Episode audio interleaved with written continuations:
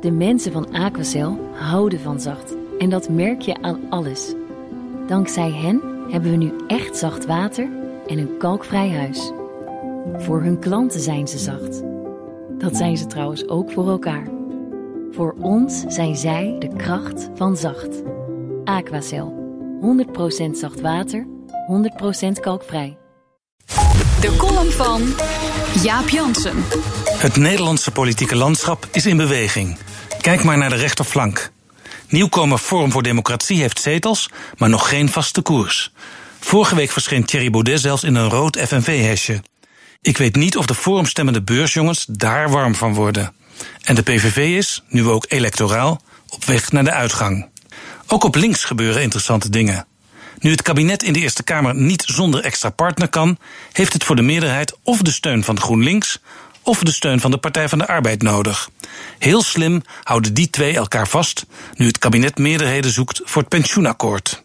Al sinds de jaren 70 dromen progressieve partijen van innige samenwerking. Soms lukt het, vaak niet. In zijn onlangs verschenen boek pleit PvdA-leider Lodewijk Asscher er opnieuw voor. Hij sluit zelfs een gezamenlijke lijst niet uit. De tragiek is dat de succesvolste partij op het laatste moment meestal afhaakt. In 2017 bereikte GroenLinks een voor die partij historisch hoog niveau van 14 Tweede Kamerzetels. Daar lijkt niet veel rek meer in te zitten. GroenLinks blijft toch vooral de partij van de studentensteden, bleek ook bij de Europese verkiezingen. De publieke executie door partijleider Jesse Klaver van het inmiddels vertrokken Kamerlid Zini Usdeel helpt ook niet. Ondertussen slaagt de PvdA erin vooral oudere kiezers terug te winnen. Door hen werd ze in het Europees Parlement de grootste Nederlandse partij. We zijn volledig samen opgetrokken. Linkse samenwerking loont, zei Klaver gisteren, terwijl hij samen met Ascher voor camera en microfoon de steun aan het pensioenakkoord toelichtte.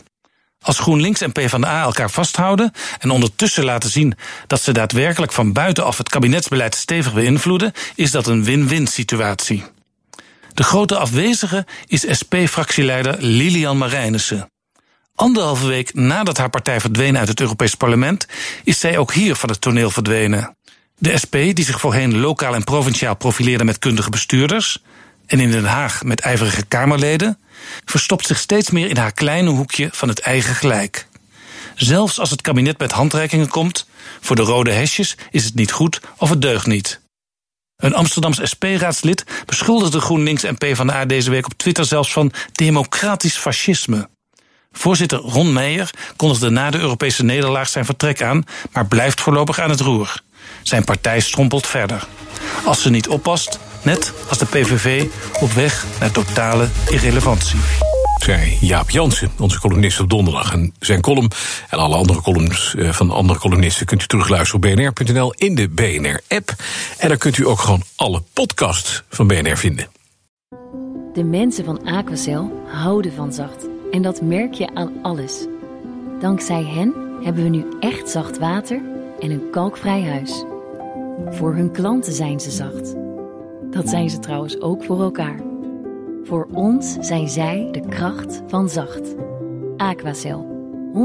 100% zacht water, 100% kalkvrij.